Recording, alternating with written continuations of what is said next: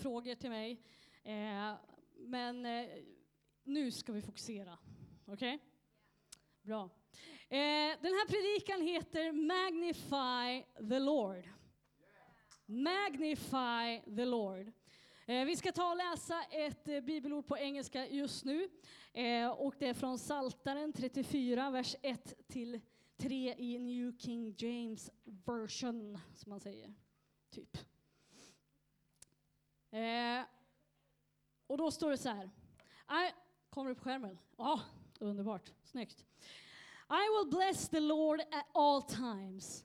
His praise shall continually be in my mouth. My soul shall make its boast in the Lord. The humble shall, he shall hear of it and be glad. Oh, magnify the Lord with me. And let us exalt his name together. Magnify the Lord. Eh, jag gillar att vara praktisk. Vet ni vad det här är? Förstoringsglas. Vad använder man det till? Ja! Eh, vi alla på ett eller annat sätt går runt med, vi, säger att alla går runt med ett varsitt förstoringsglas. Eller hur? Vi kan ju förstora allt möjligt, det som är runt omkring oss, eller hur? Eh, upprinnelsen till den här salmen, eller de här verserna, är faktiskt att David själv vart jagad av kung Saul. Kung Saul var på jakt efter att döda David. Så han var trängd. Han var på flykt. Och när han ändå var på flykt så var det inte bara eh, liksom räkmacka när han var på ett, ett ställe. Utan när han kom till det andra stället, där han, när han redan hade varit på flykt eh, och tyckte att nu, nu är det lugnt här. Nej, då kommer kungen där och säga att men du, hallå där, jag känner igen dig där borta. Är inte du kung David? Eh, och här så kan vi läsa redan innan den här eh, versen att David själv spelade sig som galen. Om vi läser i andra eh, Samuelsboken eh, så kan man, eh, jag har inte med det eh, på väggen här, men då står det att han blev så galen att han ristade i dörrarna. Han bara, va? David? Jag som har läst mycket fint om dig. Men det är upprinnelsen till den här eh, salmen är att mitt i det här, mitt i det som är kaos, mitt i det som är kaotiskt, mitt i de trängda lägena, så tar han och sätter sig ner och prisar Gud. Och han säger då, magnify the Lord with me. Förstora honom. Låt oss förstora Jesus. Låt oss förstora Gud. Och när vi talar om att förstora honom så kommer jag ge dig tre punkter här ikväll. Eh, och den första punkten är förstora honom genom att lyfta din blick. Lyfta din blick. Vi sjöng om det alldeles nyss. Lyfta din blick. Det är så otroligt många gånger som vi känner oss, när vi känner oss trängda. Det känns som att det är giganter som står runt omkring oss. Omständigheterna bara sveper över oss. Omständigheterna bara tränger oss in på livet. Och det blir oumbärligt att bara leva. Man tycker, ah! När ska det vara nog? Allting bara trycker på som en ångvält. Du kan använda vad som helst. Men det, bara, det skapar ångest. Det blir ett enormt tryck. Vad väljer vi då i de situationerna att göra? Lyft din blick. Ta ditt förstoringsglas och magnify the Lord. Lyft upp honom. Förstora honom. Även om de kan se jättestora ut för stunden, alla omständigheter som är runt omkring. Men när vi sätter vårt förstoringsglas mot honom så kommer allting andra komma i sitt rätta perspektiv. Allt det andra kommer inte vara lika stort som du trodde där och då, eller kändes för den stunden. Förstora honom. Lyft upp din blick.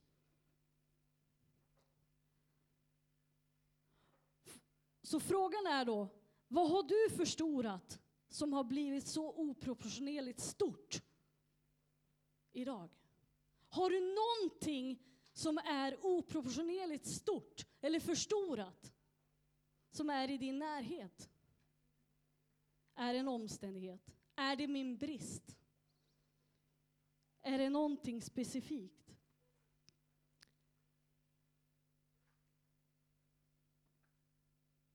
För om vi bara eh, förstorar de omständigheterna vi ser runt omkring oss, är det, det allt vi kommer se. Vi kommer tala så, vi kommer vara så, vi blir som de vi umgås med. Vi blir som de vi är med. Men om jag väljer, om vi väljer, om du väljer att förstora honom i alla trängda lägen. Att välja att förstora honom i alla livets situationer. Både de bra och de dåliga. Förstora honom. Så kommer du och jag få vara i rätt, ha rätt perspektiv på våra omständigheter och det som verkligen är. Vad är då verklighet? Vad är då verkligt i det jag ser? Är det verkligt här nu? Den här grejen. Om vi till exempel tar, jag tittar i spegeln och jag ser min finne. Ja, jag är 34 och har fortfarande problem med finnar, höll på att säga. Men är det det jag förstorar upp? Väljer jag att förstora upp den här finnen? Du och jag har ett val, vart vi sätter vårt förstoringsglas någonstans.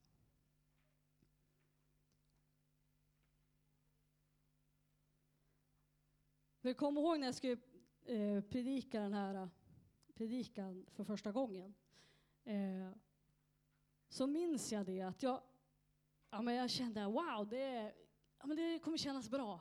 Så får jag ett telefonsamtal typ 40 minuter innan. Och just den stunden så kom värsta ångesten över mitt liv. Alltså det bara totalväld. Jag började få nästan feberfrossa. Det bara hände någonting i mig. Och jag bara, men gud vad händer nu? Och han påminde mig, du, vad ska du predika om ikväll? Magnify the Lord. Var sätter du din blick någonstans när allting tränger på? För det vi förstorar kommer också våra... Eh, eh, det vi förstorar kommer dominera vårt gensvar. Och det kommer ge... Då kan vi se vilken respons vi ger. Eh, för om vi tittar på Abraham. Är det några som känner till Abraham? Första Mosebok. Eh, om inte så får du jättegärna studera det senare. Eh, men Abraham, Gud hade sagt till honom, Hej! Du Abraham, du ska bli ett stort fett folk. Yeah!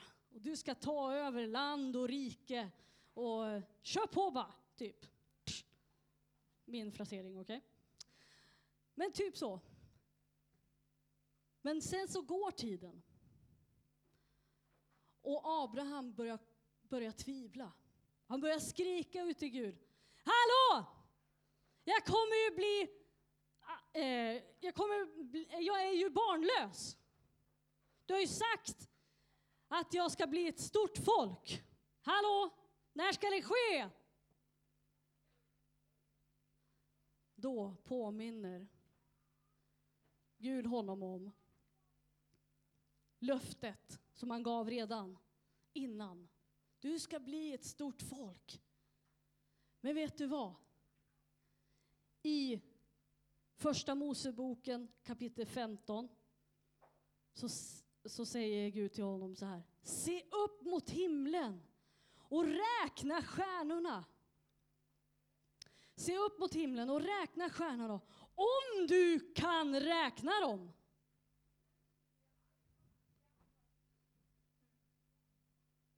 Gud sa till honom, lyft blicken. Se upp. Och mitt i allt det här, trots att han hade tappat tron, trots att han tvivlade, så går han ut och försöker räkna stjärnorna. Han lyfter sin blick. Han förstorade Guds storhet. Även, da, eller, även Abraham, som vi kan läsa och tycka, åh, men han var en mäktig troshjälte som bara, yay! Även han hade sina tvivel. Även han hade de dagar där det gick riktigt tungt. Omständigheter trängde på. Men de blev påminda om att lyfta sin blick. Låt oss förstora honom. Låt oss förstora Jesus.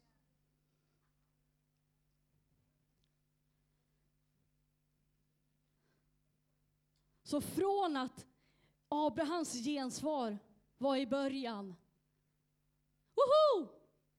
Från att gå till äh, blev också woho! Eller hur? För Gud hjälpte honom. Påminde honom om förbundet, påminde honom vad han hade sagt. Hej, du ska bli ett stort folk. Och jag kommer inte vika av från det här. Det är fortfarande fast, det står fortfarande fast. Du ska bli ett stort folk. Lyft din blick. Se på mig. Förstora honom. Använd ditt förstoringsglas. Rikta det på honom. Vi kan läsa i Hebreerbrevet kapitel 12, vers 1-3.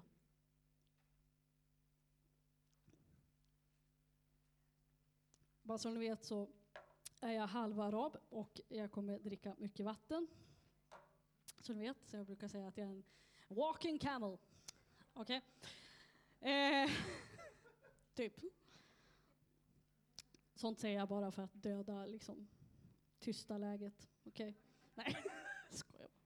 Okej, okay, vi läser i Hebreerbrevet kapitel 12, vers 1-3. Då står det så här. När vi nu, alls, när vi nu har en sådan sky av vittnen omkring oss. Låt oss kasta allt som hindrar, all synd som vill gripa tag i oss. Det här är nu Bibeln, den nyaste versionen.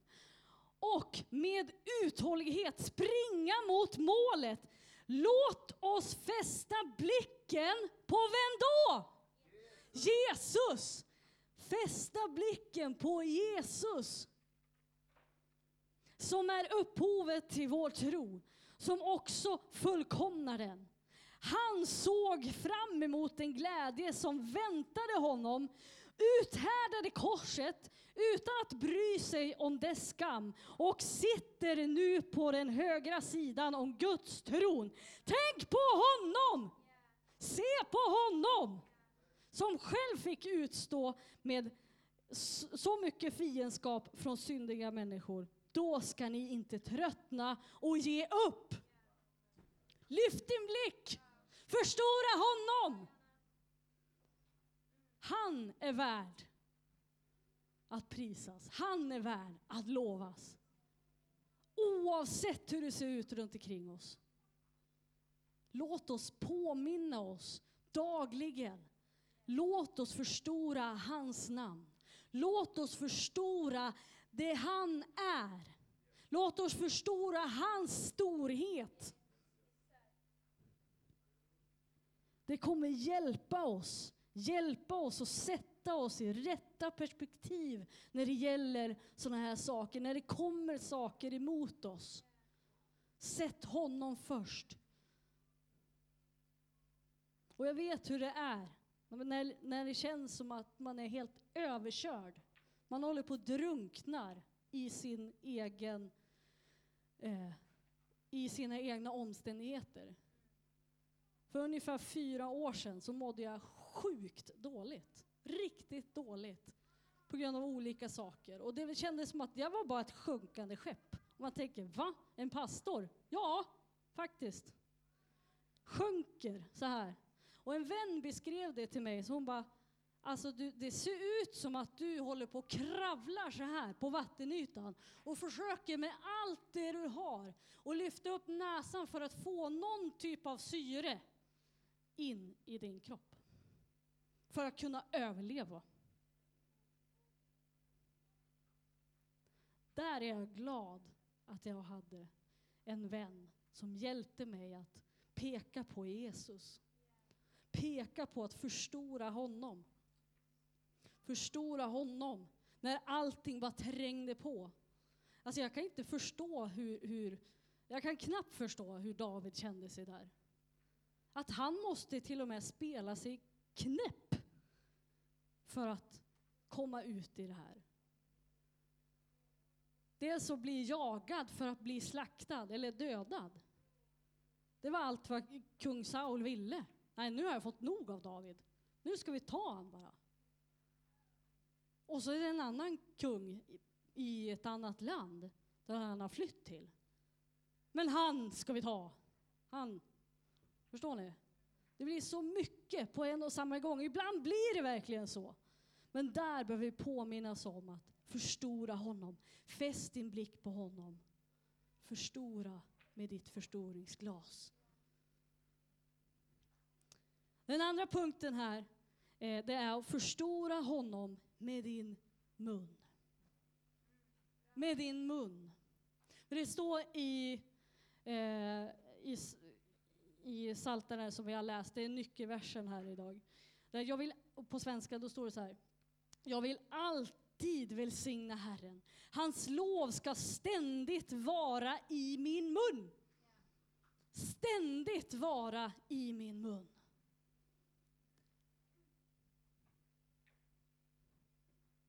Vet du om en sak? Att alla våra ord har en otrolig makt. Va? Ja. Allt det du säger skapar antingen död eller liv. Och det står det i Ordspråksboken kapitel eh, 18, vers 21. Tungan har makt över liv och död. Den som älskar den får äta dess frukt. Det vill säga att om jag sår av liv någonstans, där kommer jag få äta dess frukt. Där kommer jag få liv tillbaka. Men sår jag död här borta, så kommer det att resultat, eller resultera i död. Och då får jag äta det också. Så dina och mina ord har en otroligt viktig nyckelroll här. Vad väljer jag att säga? Väljer jag att tala upp de här omständigheterna så att det blir bara Goliat överallt? Bara Goliat. Här, det är en Goliat här, och det är en Goliat här, det är en Goliat här. David valde med sina ord att prisa Gud och att förstora honom med sin mun. Att ständigt ha lovsång på sina läppar. Ständigt förstora hans storhet om vem han är. Jag kan tänka mig när han plockade upp stenarna i, ur vattnet för att välja ut de här fem stenarna när han skulle gå mot Goliat. Tänk ja den här, han kanske bad för dem. Vi vet inte. Jesus är störst. Och den andra, alltså Gud är mäktig. Och så vidare och så vidare. Och så bara ta de här och bara svinga iväg och krossa Goliat. Orden har en otrolig makt Och det ser vi också när, när Gud själv skapade jorden. Det står ju i Första Mosebok 1 och 1. Gud sa, eller hur? Han sa och det blev till. Fatta! Pang! Oh! Här är jorden. Pang! Här har vi berg. Här har vi träd. Här har vi djur. Här har vi och så vidare och så vidare. Han om någon vet vilken makt det finns bakom varje ord. Låt oss välja att förstora honom med våran mun, med hans ord, med lov och pris. Därför är det viktigt för hur du talar. Vad, är, vad har du för bekännelse i ditt liv? Är bekännelsen din brist eller dina utmaningar? Eller är bekännelsen om vem han är? Så låt hans ord bli en del av dig. Hans ord får ta en stor plats. Men hur får vi del av hans ord? Det är som predikan, läsa ordet, ta del av ordet. Jag vet att det är kämpigt att varje dag committa sig till att läsa ordet, läsa Bibeln. Ge inte upp.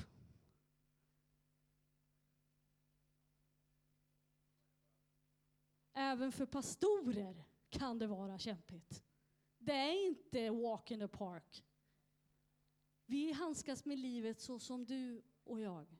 Vi handskas med livet lika mycket, men på olika sätt. Vi har våra utmaningar. Men kämpa. Och det är ett varje dags beslut och ibland känner man bara ah, nej jag orkar inte.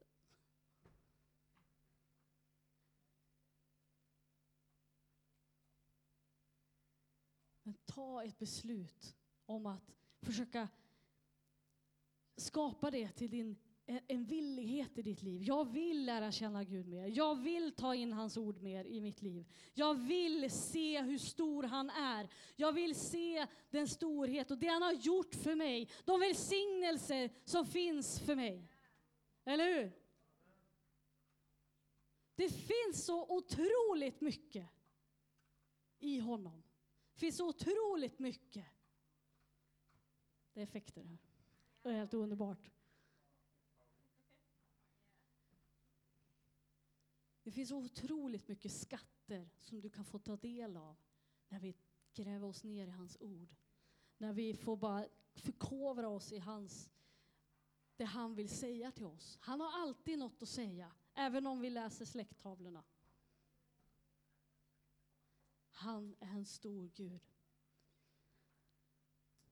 För när vi gör det så kommer det att ge oss rätta perspektiv till livet och förhålla oss till verkligheten utifrån hans perspektiv. Inte mitt perspektiv, hans perspektiv. Och det finns så många hjälpmedel. Och jag älskar bibelappen. Det är en gåva, verkligen. Och jag älskar ännu mer att det finns också ljud du kan lyssna på ordet, du kan lyssna på, på Bibeln. När du åker i bilen, när du åker i bussen, när du, ja och så vidare.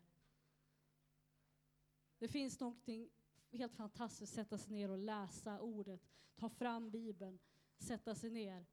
Men det ger också en, en, en till dimension tycker jag, bara lyssna på texten.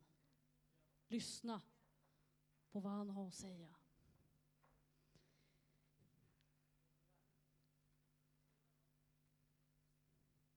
Så även om omständigheter talar, så förstora honom. För får hans ord en stor plats i våra liv, så kommer det att dominera vår bekännelse. För då är det så här som gamla sången sjunger. Jag är vad Guds ord säger att jag är.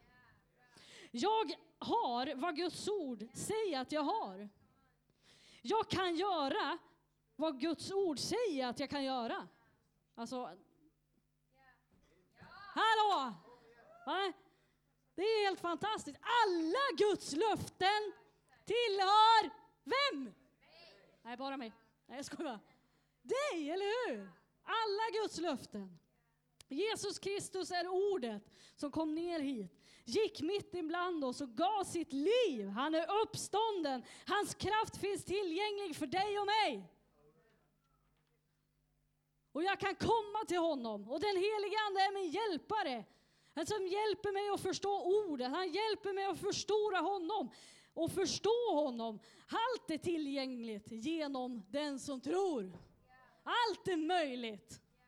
Allt det här finns här. Oj, nu springer min predikan iväg. Allt finns här. Tillgängligt för dig. Det finns ju här. Det är bara att slå upp den. Eller hur? Det här hjälper dig att förstora honom i ditt liv. Sätta rätt perspektiv på livet och säga vad som är sant eller inte. Okej? Okay?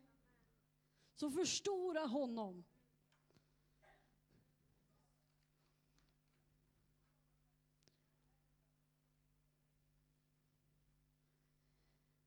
Ibland så är det så att vi, vi lever utifrån våra känsloliv. Vem har gjort det? Jag. det känns så blä just nu. Eller hur? Vi alla har varit där. Och varför jag säger det här, för jag vet att ibland så är det som att vi flänger och far med våra känslor och de känslorna får avgöra för vilka beslut vi fattar i våra liv. Nej! Nej! Vet du vad, dina känslor, är, ja, du har fått dem. Du ska ha dem. Det finns en mening med dina känslor. Men det talar inte om sanningen för dig. Oftast så förleder de dig. Eller hur? Vi behöver det som är stadigt och det som är stabilt och det är här. Hans ord sätter våra liv i rätt perspektiv. Så lev inte av våra känslor, utan vi ska leva av tro och leva av hans ord. I Josua 1 och 8 så står det, tala ständigt om denna lagbok och tänk själv på den både dag och natt. Så att du noga följer allt som står skrivet i den. Det är bara då som du kommer att lyckas och ha framgång. Alltså, han med sitt hela hjärta står och skriker från himlen. Hallå! Jag vill ge dig allt! Du ska ha framgång, du ska lyckas i allt det du företar dig. Allt som går på den väg du går på ska du lyckas i. Det vill han för dig. Ibland är det som, åh, vill vi det? Och vi, åh. Ja, men det där gäller ju han som sitter bredvid mig. Det gäller dig. Dig som din granne. Det gäller oss alla.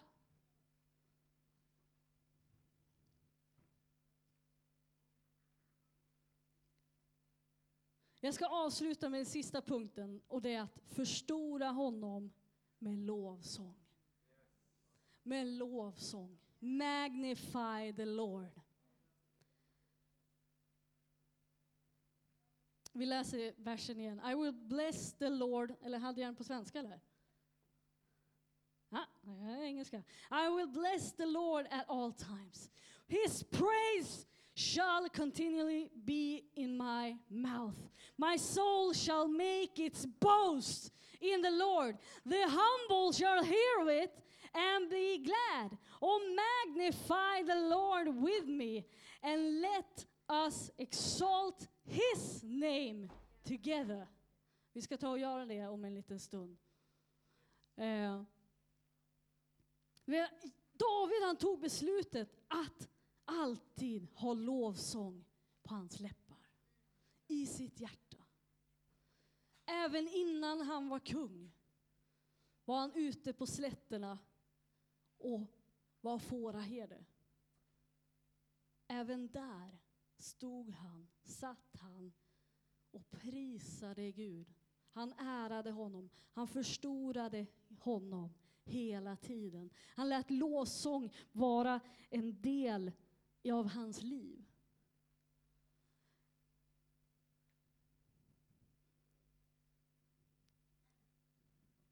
Och vi kan se och vi kan läsa i, dels i Saltaren men också i Samuels, eh, de först, eller, eh, första och andra Samuelsboken, där vi läser om David bland annat, så kommer han i många svåra situationer. Men gång på gång, på gång på gång så lyfter han upp hans namn. Han lyfter blicken. Han talar ut. Han låter hans ord vara hans bekännelse. Han låter sina ord äh, komma fram ur hjärtat och bara lovsjunga honom, prisa honom. Han förstorar honom med lovsång. Han sitter där på sin harpa, eller på sin harpa, eller, jag vet inte hur stor den var, men eh, med sin harpa spelar och prisar honom. Och vi kan läsa om ett sådant exempel också i, i Nya Testamentet, i Apostlagärningarna kapitel 16, vers 16 till 26. Det är om Paulus och Silas. Om ni inte har läst den här tidigare, eller om ni har läst den också tidigare, så läs det som att du läser den på nytt för första gången igen. Okej? Okay? Nu läser vi. En gång när vi var på väg till böneplatsen möttes vi av en slavflicka som hade en spådomsande och skaffade sina herrar stora inkomster genom att spå.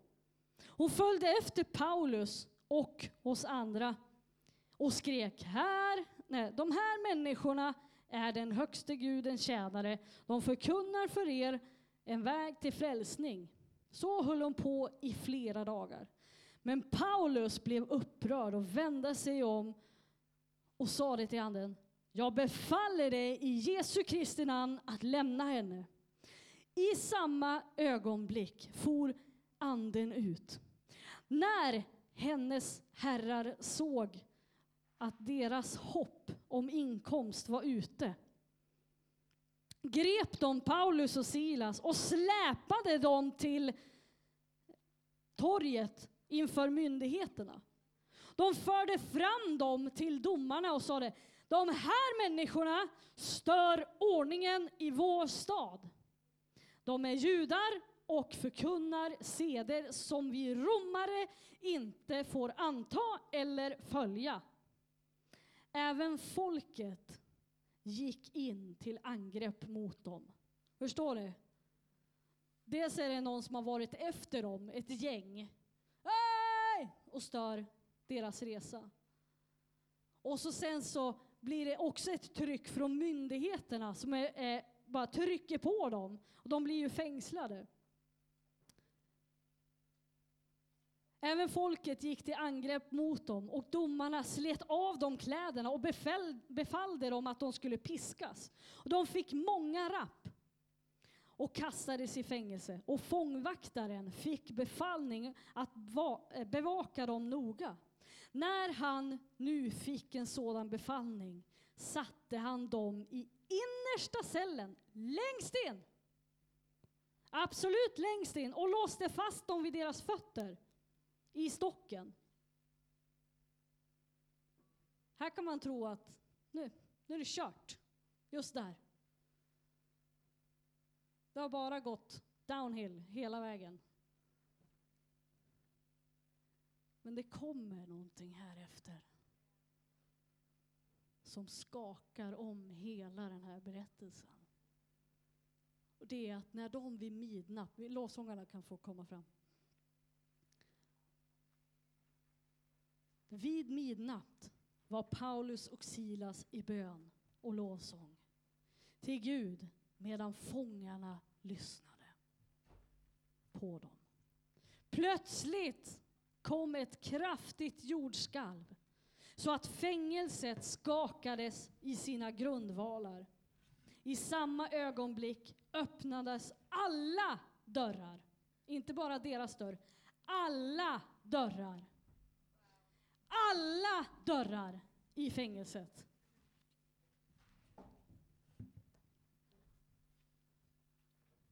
Och allas bojor lossnade och föll av.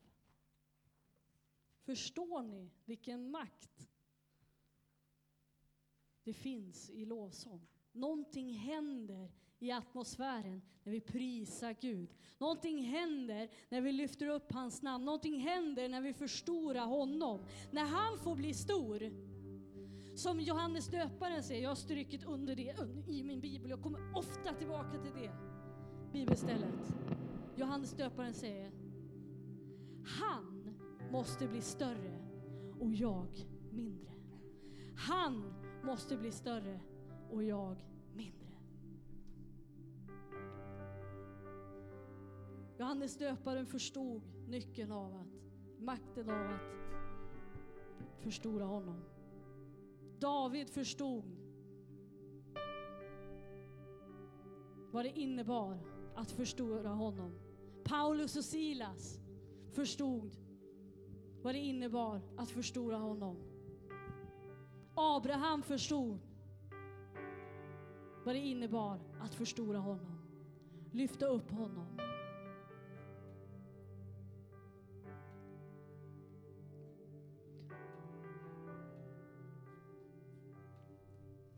För när vi prisar hans namn, när vi lyfter upp våra händer, så bryts bojor och vi blir satta fri. Eller vi blir fria.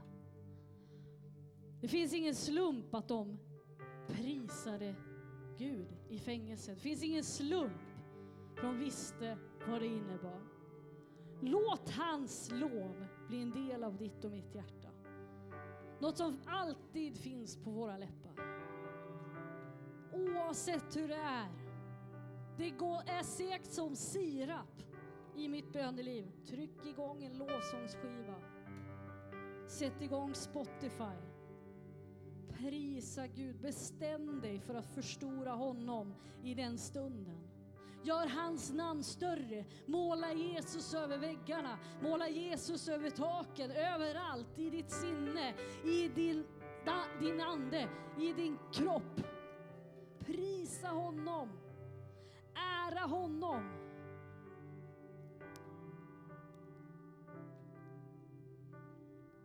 Jag hoppas att du får med dig eh, eh, den här bilden idag. Att den får prägla resten av ditt liv. Att du minns att jag kan välja att sätta mitt förstoringsglas på honom. Jag kan välja att förstora honom i mitt liv. Oavsett omständighet, oavsett vad som händer runt omkring oss, oavsett vart vi än är i våra liv.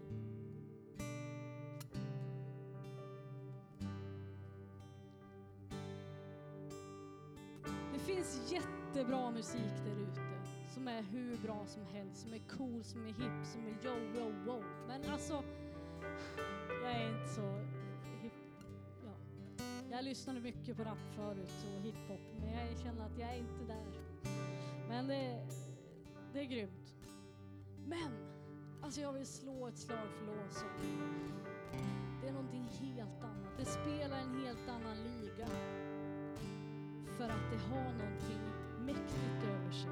Something powerful. Lovsång är kraftigt. Lovsång är mäktigt. För när vi sätter fokus på honom när vi verkligen sätter fokus på honom, skingrar allt annat. Våra omständigheter kommer in i sitt rätta perspektiv. Han blir större. Han har en utväg. Vi blir satt fria. Det finns någonting för här, dig här ikväll, den här stunden. Där du kan få bli satt fri genom att bara lyfta dina händer, sätta ditt lov på dina läppar, prisa hans namn, ära honom. Förstora Jesus med din mun. Lyfta din blick.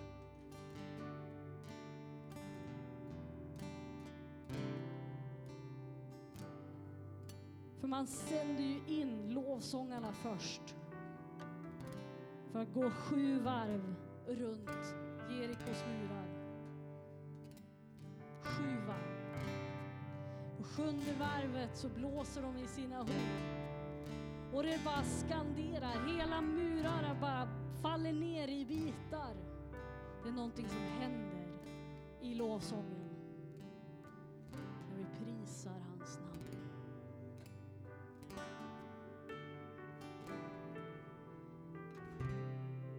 Låt oss bara ställa oss upp på våra fötter.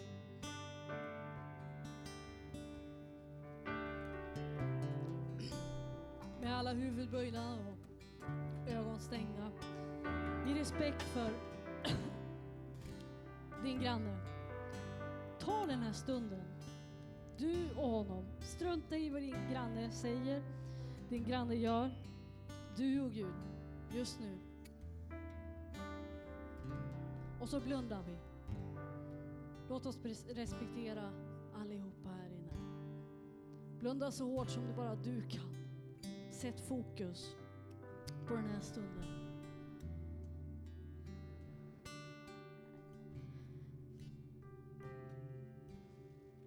Du kanske är här just nu och du har själv inte tagit emot Jesus. Så vi vill göra en möjlighet för dig att bara räcka upp din hand, inte nu, men alldeles strax. Räcka upp din hand som ett tecken på att jag vill ta emot dig. Att jag vill ta emot Jesus i mitt liv.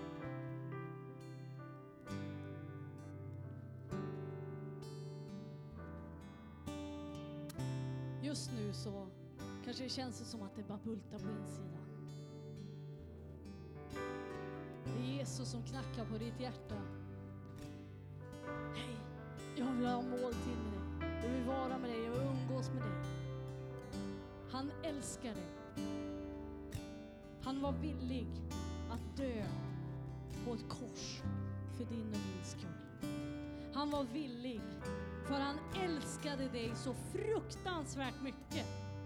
Han betalade priset för dig och mig. För att du skulle få en möjlighet som den här stunden att ta emot honom. Du kanske också är här som har vandrat lite avsides en stund, ett tag. Du kanske är här och bara jag kom, kanske kom hit bara av en slump just nu till mötet. Men det finns en mening med att du är här ikväll, att du är här just den här stunden. Det är ingen slump att du är här. Gud har någonting för dig, för han älskar dig. Om du just nu med dina huvuden böjda, dina ögon stängda. När jag räknar tre så lyfter du upp din hand. Bara som ett tecken för mig så kan du lyfta ner den sen igen. Så vet jag vem jag ska be för. Ett, Jesus älskar dig. Två, han vill umgås med dig, han vill vara med dig. Han har så mycket för dig. Tre, bara lyft upp din hand om du vill bara ta emot honom just nu. Tack Jesus, tack Jesus, tack Jesus, tack Jesus, tack Jesus, tack Jesus. Tack Jesus för de händer som är uppräckta här. Tack Herre för de händer som rycktes upp här. Tack Herre för det som du gör här just nu i den här stunden Herre.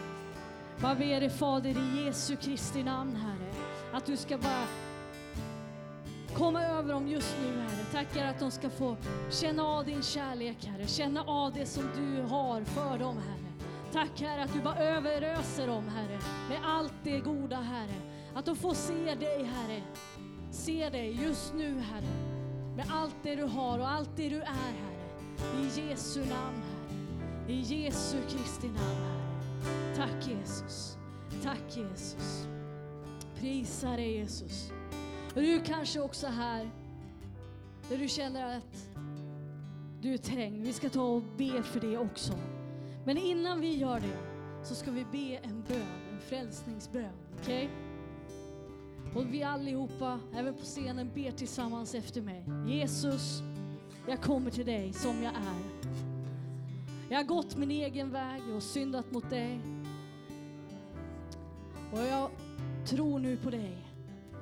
Att du är Guds son. Att du dog för mig. För min skull. Och att du uppväcktes från de döda. För att jag skulle få liv. Liv genom dig. Jag vänder mig bort från all synd. Tack för att du förlåter mig. Jag inbjuder dig just nu. Jag tar emot dig i mitt hjärta. Börja leva i mig. Jag bekänner dig som Herre i mitt liv. Som frälsare i mitt liv. Och jag vill alltid följa dig. Led mig på din väg. Tack för att jag genom tro nu får vara ett Guds barn och fyll mig med din heliga Ande och forma mig som du vill. Jag tror på dig. Jag tar emot dig. Tack Jesus. Amen. Om du var med och bad den här bönen för första gången så står det så här i Romarbrevet kapitel 10, vers 9. Om du därför med din mun, tro, eh, med din mun bekänner att Jesus är Herren och i ditt hjärta tror att Gud har uppväckt honom från de döda, då ska du bli frälst. Så ta den här dagen, ta den här stunden, skriv ner det i din bibel, skriv ner det på din telefon. Gör någonting av det här.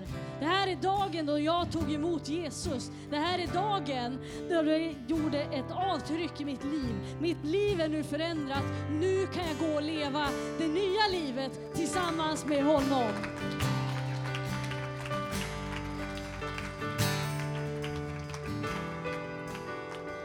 Sjunger vi sjunger lovsång här och du som har kommit hit med en omständighet som är större än, än Goliat eller någonting som känner att du är besvärad över någonting. Någonting känns som att det är bara alldeles för mycket just nu. Om du bara räcker upp din hand så ska vi ta och be. Så ska vi bara också prisa Gud. Du som har någonting, bara räck upp din hand. Räck upp din hand. Ja Jesus, du ser alla de här händerna som är uppräckta Herre. Tack Herre för att du kommer in och bryter dig in i de här omständigheterna. Ber dig Fader i Jesu namn Herre att de ska bli, bli fria den här situationen Herre. Tack Jesus att du ska komma in Herre komma in Herre. Ber dig för att du får bli större Herre. Ber dig för att de får se dig, att de får lyfta sin blick Herre. Bekänna dig för din storhet. Bekänna dig Herre för vem du är. Tack Herre att omständigheterna inte ska tala utan vi ber att din storhet ska få tala i Jesu namn. Din storhet, din verklighet Jesus. Att dina ord ska få tala om för hur det verkligen är Herre. Vad sanning är i Jesu namn Herre. Tack Jesus för att du bryter dig in i varje situation Herre och bara kommer fram. Bara exponera dig Herre i varje hjärtas varje persons liv i Jesu Kristi namn, Herre. Jag prisar dig. Nu när vi sjunger och prisar honom, ära honom, då vill jag att du faktiskt struntar i den som står bredvid dig. Ge dig här. Förstora honom. Lyft din blick. Ta ditt förstoringsglas. Lyft det mot himlen. Han är här. Just nu. Han är här. Han vill möta med dig. Han har nu talat till dig. Låt oss bara förstora honom.